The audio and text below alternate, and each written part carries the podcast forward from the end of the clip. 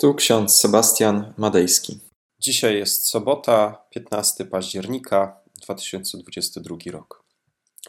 W księdze proroka Michała, 7 rozdział, 7 werset. Będę wypatrywał Pana, będę wyczekiwał Boga mojego zbawienia. Mój Bóg mnie wysłucha. Oraz list apostoła Pawła do Kolosan, trzeci rozdział, drugi werset.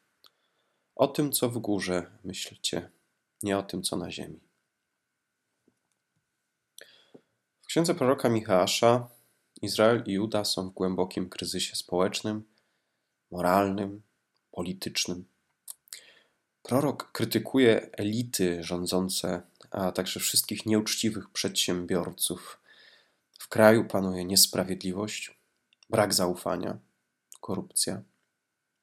Jeden człowiek nastaje przeciwko drugiemu.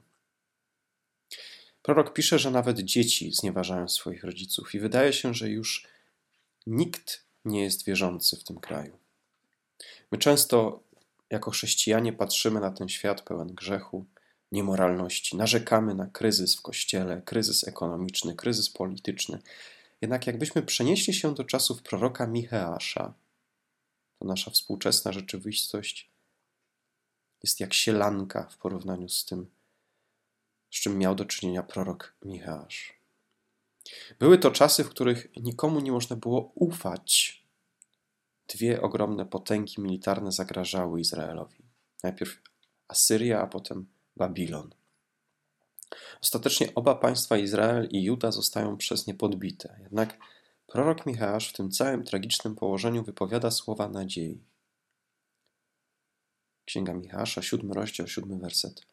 Będę wypatrywał Pana, będę wyczekiwał Boga mojego zbawienia. Mój Bóg mnie wysłucha.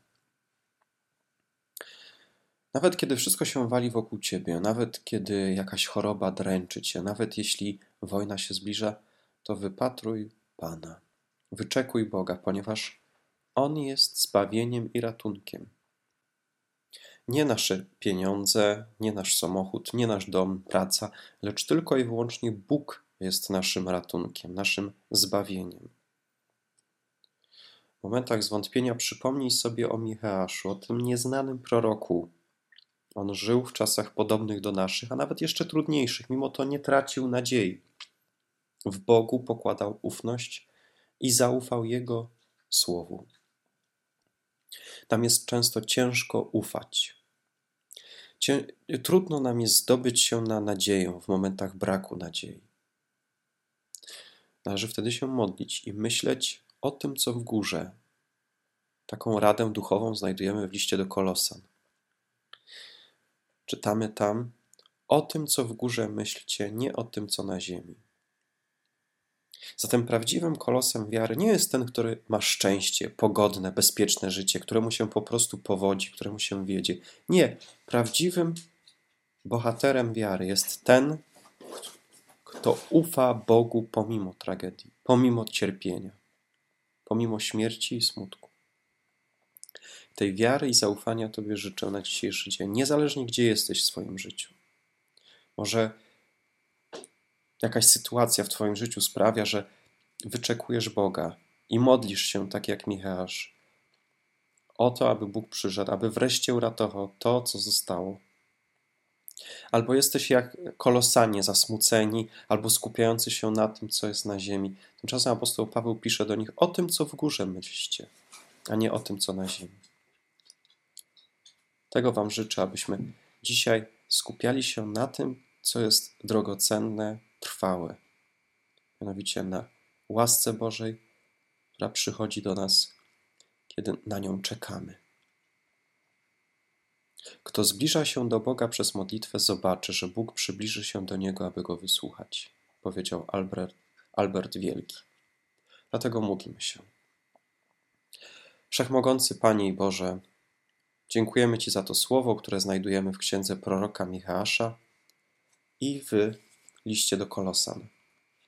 Spraw, Panie, abyśmy odnajdywali pokój. W momentach zwątpienia przypominaj nam o tym, że Ty nas szukasz, że Ty wyprzedzasz nas swoją łaską. Nawet wtedy, kiedy zapominamy o Twoim działaniu, Ty działasz. Nawet wtedy, kiedy nie dostrzegamy Ciebie, Ty przychodzisz do nas. Nawet wtedy, kiedy wątpimy, Ty, Panie, nad nami czuwasz i strzeżesz nas. Dlatego dziękujemy Tobie za tą łaskę, jaką odnajdujemy w Twoim Synu, Jezusie Chrystusie. Pobłogosław nas, Panie, abyśmy zawsze i na każdym miejscu Ciebie wypatrywali i wyczekiwali Twojego zbawienia. Amen. A pokój Boży, który przewyższa wszelki rozum, niechaj strzeże serc naszych i myśli naszych. W Panu naszym Jezusie Chrystusie, ku żywotowi wiecznemu. Amen.